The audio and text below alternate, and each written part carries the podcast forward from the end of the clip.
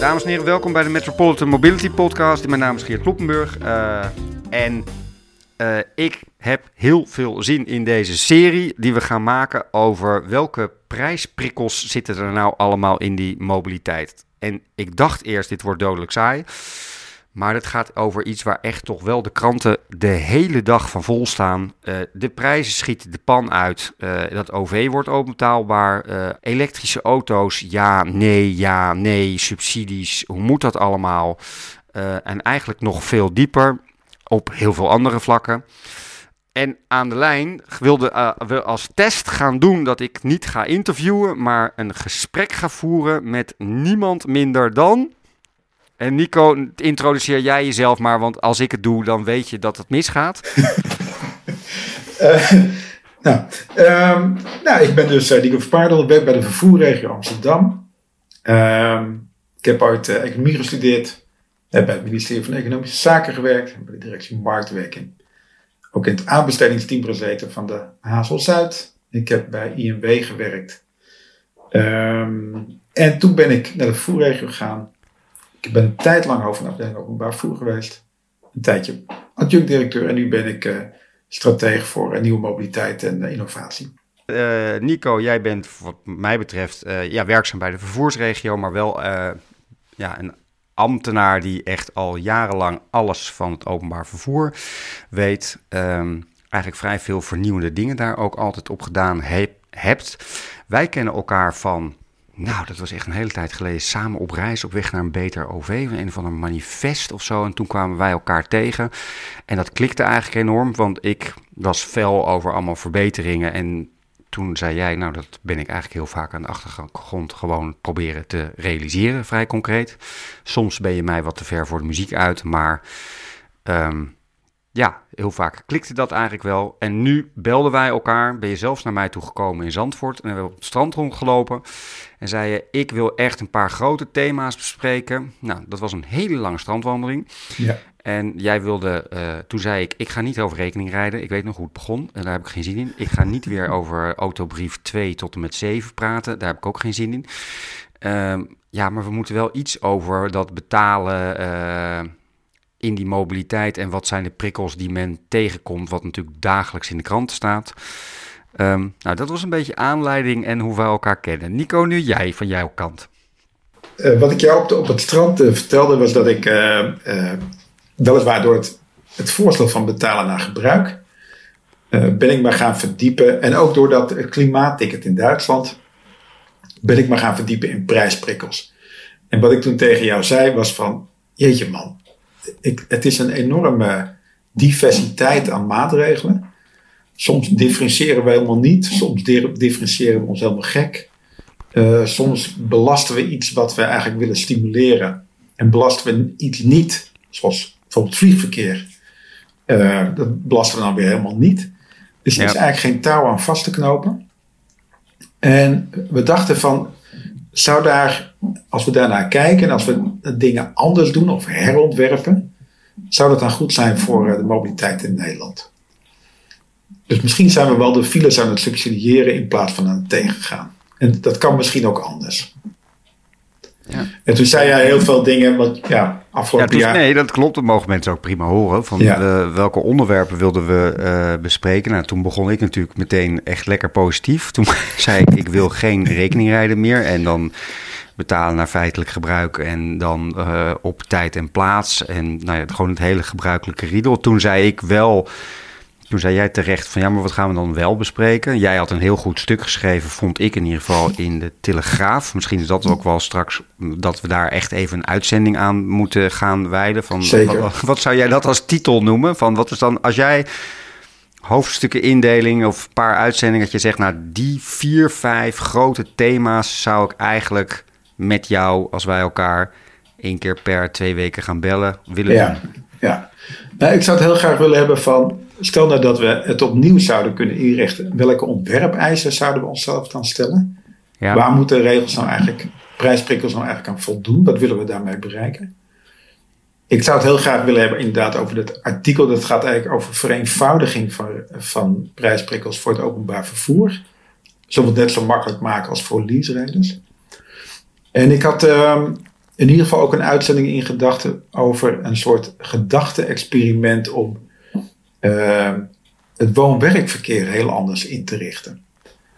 Uh, en om vast een teaser te geven, want we hadden, natuurlijk hebben we het hier al over gehad, maar jij zei toen opeens, nadat ik natuurlijk weer heel lang liep door te zeuren tegen jou, zei je echt iets best wel vernieuwends. Wat gilde je nou ook alweer? Je zei op een gegeven moment, nee, want het ging over reiskosten voor ver en oh god, dan gaan we weer met uh, Ed Nijpels en afschaffen. Maar wat, jij zei toen één ding, dat vind ik eigenlijk wel een teaser voor die uitzending, en daar moet je het dan lang over hebben. Wat zei je nou ook weer? Ja, nou, wat ik zei van...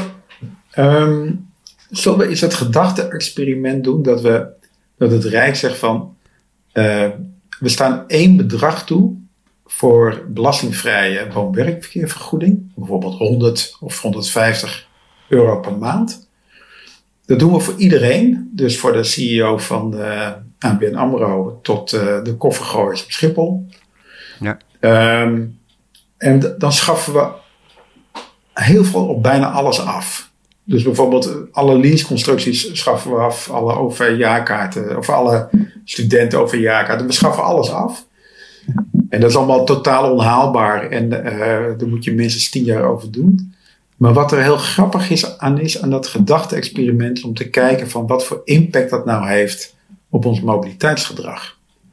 Ja, en toen ging ik opeens aan, hè, Nico? Ja, toen ging je heel erg. Ja, toen ging jij echt. Toen, ja, toen ging ik echt ja. Ja. Uh, hoe gaan we het doen? Dat ik, want ik schiet automatisch in de interviewstand. Uh, dat ik ga denk ik gewoon naar jou wuiven. Dit houden we ook allemaal lekker in de uitzending. En dat betekent eigenlijk, stel eens aan mij de vraag... in plaats van dat we... Ik moet zelf ook wennen. Omdat ik op een andere manier nu het gesprek ga voeren. En voor luisteraars zal het ook anders zijn. Dat jij en dan moet ik altijd opletten dat ik niet expres drie keer sneller ga praten, omdat ik alle boodschappen in twee zinnen wil doen. Dus je mag me op alle mogelijke manieren corrigeren. Maar ga jij eens de vraag aan mij stellen: van als we een gesprek hebben, dat ik ook gewoon mijn mening geef en zeg, nou. Dus we gaan eens even wisselen van rol. We gaan nu wisselen van rol. Nou, gewoon eens even aan de keukentafel dat jij aan mij gaat vragen. Ja, wat wil jij dan eigenlijk bespreken? Nou, wat, ik, wat, wij, uh, wat wij heel erg tegenkwamen bij, bij de voorbespreking, dat ik heel erg zoekt naar de prikkels aan de consumenten. En dat jij zegt, ja, je moet ook naar het systeem kijken. Dus ik, ik vermoed dat jij gewoon iedere uitzending zegt van ja, voor paarden zeggen we dat het OV fiscaal uh, beter moet. Maar ja, er moet wel dik, er moet wel 2, 3 miljard per jaar bij en zo. Dat, dat ga jij dan uh, tegen mij zeggen. Vermoed ik of niet?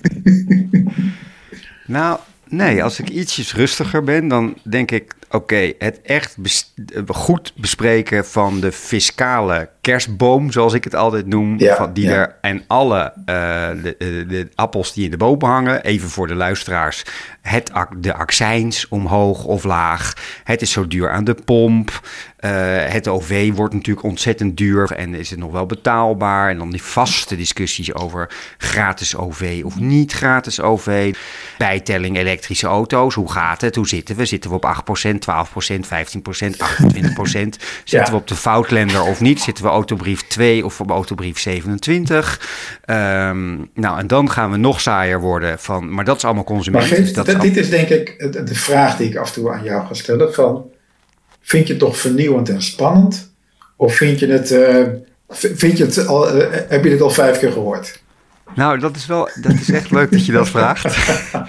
Ja, dat horen mensen natuurlijk wel. Uh, maar ik vind het wel heel goed om dat toch stapsgewijs echt duidelijk en goed inzichtelijk te maken. Hoe dat een zich verhoudt tot het ander.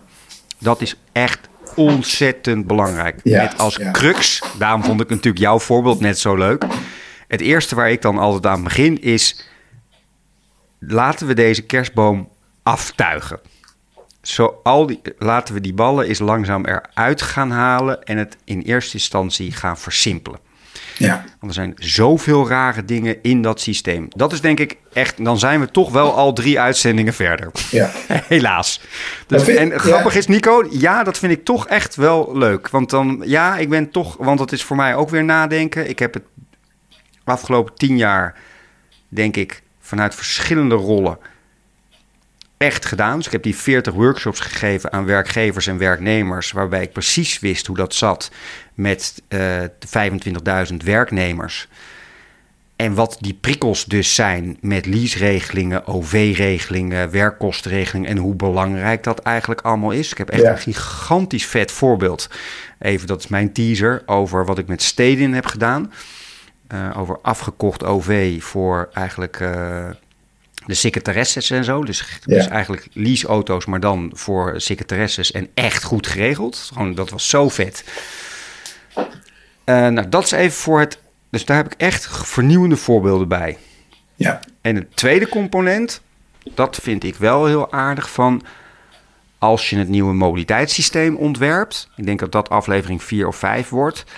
En we gaan nadenken over het vullen van stoeltjes. Over eh, ja, nieuwe publiek vervoer. Maar nu wordt het al best wel, Nico, bijna niet meer te volgen voor mensen. Weet je wel? Dan zit ik Ja. zo. Ja, en sturen via infrastructuur. Misschien moet je mij bijna helpen nu van. ja. Dat, we snappen allemaal dat aanbodgedreven OV ingewikkeld is. We snappen ook allemaal, zo langzamerhand hoop ik wel, dat SUV's elektrificeren nou niet zo heel erg handig is. Maar het veel slimmer gaan sturen door middel van vullingsgraad van goederenvervoer. ja, dat is aflevering 5, eh, Geert. Dat is aflevering Oké, 5. dank je. Zullen we, zullen we een, een, eh, een bruggetje, een geweldig bruggetje naar de eerste ontwerpreis. alsof je het al jaren doet, Nico. Maak je bruggetje. Het bruggetje is, het eerste bruggetje is, of het eerste ontwerpeis, is dat, ja, ik heb het maar even inclusief genoemd. Maar, ehm, maar dat het nou, voor alle mensen beschikbaar is en dat alle mensen er ook van kunnen profiteren. Dat is volgens mij een belangrijke, ehm, een van de ontwerpeisen. Ja? Wat mooi, want dit, eh, wat grappig. Moet ik daar hier nu op gaan reageren dat ik naar Nee. punt 2 ga? Of zeg, heb jij er gewoon een... Ik zie jou op een papiertje kijken dat ik denk, je hebt een heel lijstje gemaakt. Of gaan we nu het lijstje van de aanbesteding doen? Nee, ik heb, ja, ik heb een lijstje met ontwerpen. Ik heb, eh, Nou, kom maar door. Doen we ze Ja, allemaal ja. in één keer. Dat is Ja. makkelijker. Nou, ik heb dus in- inclusief energie-efficiënt. Vanwege het klimaat, vanwege stikstof, vanwege. Ja, top. Akkoord. Ga maar door. Yes. Ehm, ruimte-efficiënt. Ja, Vanwege woningbouw. eh Ja, vol- gaan we door. Beperkte files. Volgens mij is gemak een hele belangrijke. Gemakkelijk voor de Belastingdienst en gemakkelijk voor de bewoners. Geen, geen eindeloze administratieve gedoe. ja. En ik heb er eentje, ja, dat, is, dat is- een beetje de Geert Kloppenburg eh, criterium. Nou, Sy- wat is- sy- sy- systeem, systeem efficiënt. En volgens mij, het is wel grappig hè. Zullen we gewoon eens een aantal recente dingen leggen langs deze criteria? Bijvoorbeeld, ik ho, stop. Dan wil ik even reageren. Nee, dat gaat goed. Maar ik wil even reageren en ook kunnen nadenken ja, over wat je nou zegt. Want mooi luisteraars, dit hebben we niet geoefend. Ik heb niks geoefend, überhaupt nooit geoefend. Dat doe ik niet. En ik mag onafhankelijk alles zeggen en doen. Dat is het uitgangspunt bij deze hele opnames en deze hele serie. Ik herhaal even voor mezelf, dan kan ik namelijk nadenken. inclusief. 1. Inclusief. 2. Energie-efficiënt, Energie-efficiënt. 3. Ruimte. efficiënt. Toegang, gemak, gemak, gemak. En wat zei je nou op vijf? Ja, toen zei Geert Kloppenburg. Kijk, die onthoud ik altijd wel. Systeem. En meteen weer Systeem-efficiënt. Ik kijk zelf heel erg naar de grote, grote vraagstukken. Noem ik ruimte. Gewoon Ja. ruimte, ruimte. Dat is echt mijn key point. En de tweede punt, wat ik als echt allerbelangrijkste vind, is... Bij mij zou ik het niet energie-efficiënt noemen, maar dan noem ik het klimaat. Dan noem ik het circulair en dat is energie-efficiënt. Van, van ja, Ja, wat hebben we nou nodig om iemand van 80 kilo of 60 kilo te vervoeren? Eh, en op welke wijze is dat nou? Ja, de ruimte en dingen. Dat kwam eigenlijk. Ik Ja. ga dat wel even toelichten, Nico, waarom ik dat Maar- zeg. Omdat ik met een onwijs leuke podcast-serie heb gemaakt met Karin ten Hagen. Dat, ga- Ja. dat raad ik de luisteraars zeer aan. Want dat ging eigenlijk, de slotuitzending ging heel erg over... Ja, wat zijn eigenlijk de twee key issues? Maar ik ga niks afdoen aan die andere drie, dus die mogen er lekker in blijven. Dus gemak, gemak, gemak. ja, Inclusief, dus voor iedereen, vind ik soms een beetje een dooddoener. Maar ik, misschien is het wel echt goed om hem toch langs de meetlat te leggen. Ik zit even hardop of ik er nog nog dingen bij verzin. Nee, voor mij. Uh, Maar luisteraars, als wij, als maar, u vindt dat Nico en ik het niet helemaal begrepen hebben, dat er nog 25 criteria bij moeten, maar ik, ik ga wel akkoord. Geert, het is wel grappig. Zullen we gewoon eens, we leggen gewoon eens twee dingen erlangs, hè, langs de meetlat. De, het, het Rijk heeft bijvoorbeeld de accijns op benzine en diesel verlaagd. Het kostte 2,2 miljard dit jaar, is ook nog een half jaar verlengd voor volgend jaar. Denk ik energie-efficiënt? Nou, no, no way. Ruimte-efficiënt? Nee, het, stimuleert niet ruimte-efficiënt. Is het inclusief? Nou, het komt meer bij mensen die 80.000 kilometer, 60.000 kilometer per jaar rijden dan de mensen aan de onderkant van de maatschappij. Dat vind ik een hele goeie. Daar sla ik op aan. Maar ga door. Het is grappig, want de eerste twee heb ik moeite mee. Nee. Ja. Nee, ga door, ga door, ga door. Dit is gewoon leuk. Dit vind ik ook hartstikke leuk. Het was beren gemakkelijk. Dit was, ja. er kan niks, er kan heel veel dingen kunnen niet bij de Belastingdienst, maar dit komt wel. Ja, Blijkbaar was het snel uitvoeren snel. en generiek en rammen met die hap. Ja, het is generiek en dus... Uh, um, en systeemefficiënt, ja, dat weet ik eigenlijk niet. Maar vind ik, eigenlijk, ik vind die eerste visa eigenlijk... Dus ik vind het een... Uh, vanuit dat oogpunt, omdat hij bij de eerste drie slecht scoort... zou ik denken, slechte maatregel. Vind je niet? Kijk, het, uh, het, acute probleem is natuurlijk dat mensen het allemaal niet meer kunnen betalen aan de pomp. En dat uh, mensen er niet meer kunnen komen. En dat schiet echt voor heel veel mensen echt totaal door het plafond heen. Voor zowel energielasten als voor mobiliteit als voor de hele troep. Maar die twee worden natuurlijk echt, dat moeten we niet licht over doen. Dus daar wordt moord en brand geschreeuwd, doe iets. Dan op systeemniveau is het natuurlijk wel heel droevig dat daar zo laat op gereageerd wordt. Want het was best wel dat we dat aan zagen komen. Ja. Dan gaan ze vrij snel met... Maar mag je toch even... Ik ben het met je eens, hè? Heel veel mensen kunnen hun rekeningen niet meer betalen en zo. Maar de vraag is... Net zo goed dat ik... Ik krijg in november en december krijg 190 euro overgemaakt. Ik bedoel, is ook heel lief. Maar de vraag is of, je, of het een, een doelgerichte uh, maatregel is. Nee, nee ik, ik, kom, I get to you. Ja, Don't worry. geef me even. Jezus, jongens, dit is een kritische interviewer. Ik, ik krijg helemaal geen ruimte. Ik heb meer ruimte nodig. Dit wordt echt een hele lange serie, dit, jongens. Een soort Matthijs van Nieuwkerk. Ja, dit wordt een ramp. Nee, dus ik wil, de, ik wil als eerst even naar het probleem kijken en de why.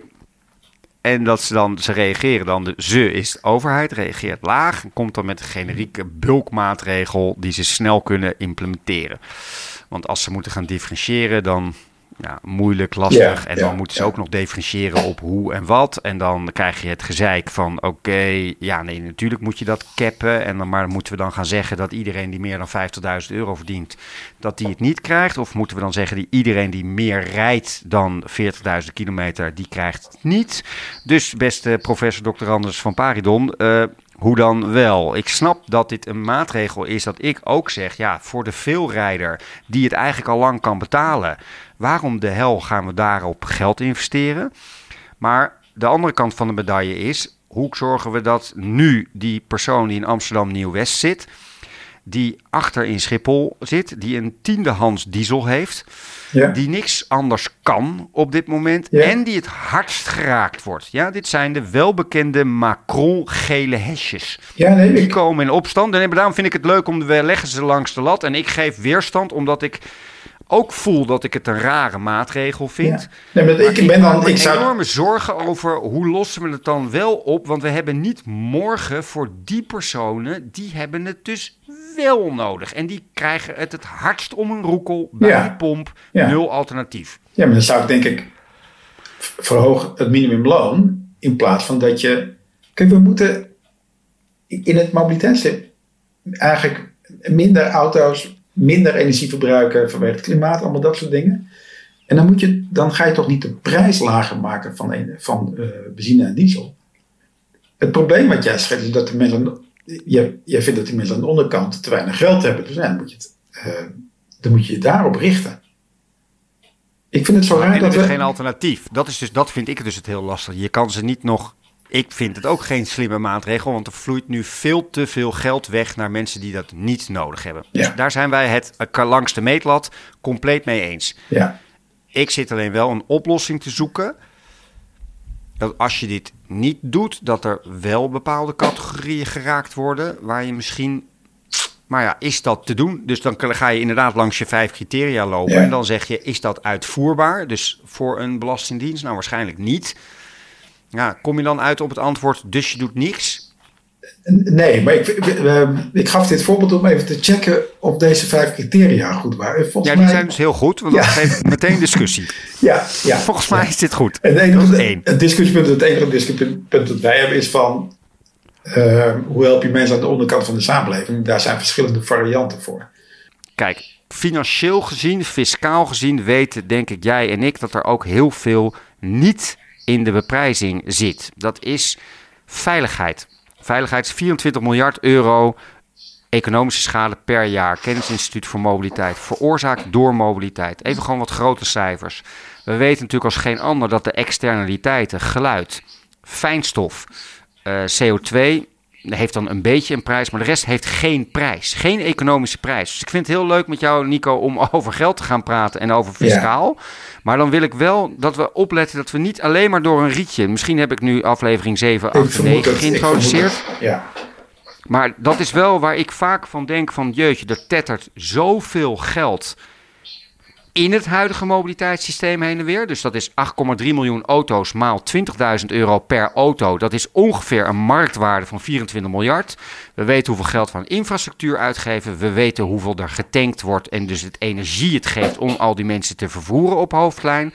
We weten wat de maatschappelijke schade is op gezondheid op uh, veiligheid, et. Dus waar ik wel voor wil waken, dat we zeker naar die fiscale kerstboom gaan kijken. Met reiskosten forfait, et cetera, et cetera, Maar dat we niet uit het oog verliezen dat de econoom zegt... ja, zat niet in mijn huishoudboekje. Nee, we, voegen... Hoe voorkomen we dat, Nico? Want het is jouw studie. Ik heb recht en geschiedenis We houden toch het vijfde criterium systeem efficiëntie... of het systeem, het systeemdenken, houden we erin. Houden we erin. Het, uh, hoeveel beviel jou dit? Uh, nee, één heb je nog iets toe te voegen inhoudelijk. Uh, nee, ik, wil nog honderdduizend dingen zeggen, maar dat, uh, dat gaan we in de volgende aflevering doen. Dames en heren, dank voor het luisteren. Nico, het was jouw eerste keer. mooi dat we dit gedaan hebben. Reageren kan wel naar geert.geertloppenburg.nl of reageer op de uitzending als je echt zegt van ja, we vinden dat jullie een paar dingen daarbij moeten doen. We worden ook graag op onderwerpen geholpen. Dat je zegt, nou stuur maar naar mij toe, geert.geertloepenburg.nl, van lees deze stukken. We weten natuurlijk niet zeker of we alles eh, kunnen behandelen, maar dat helpt ons zeker. Um, Nico, dank. Ja, heel bedankt, Geert.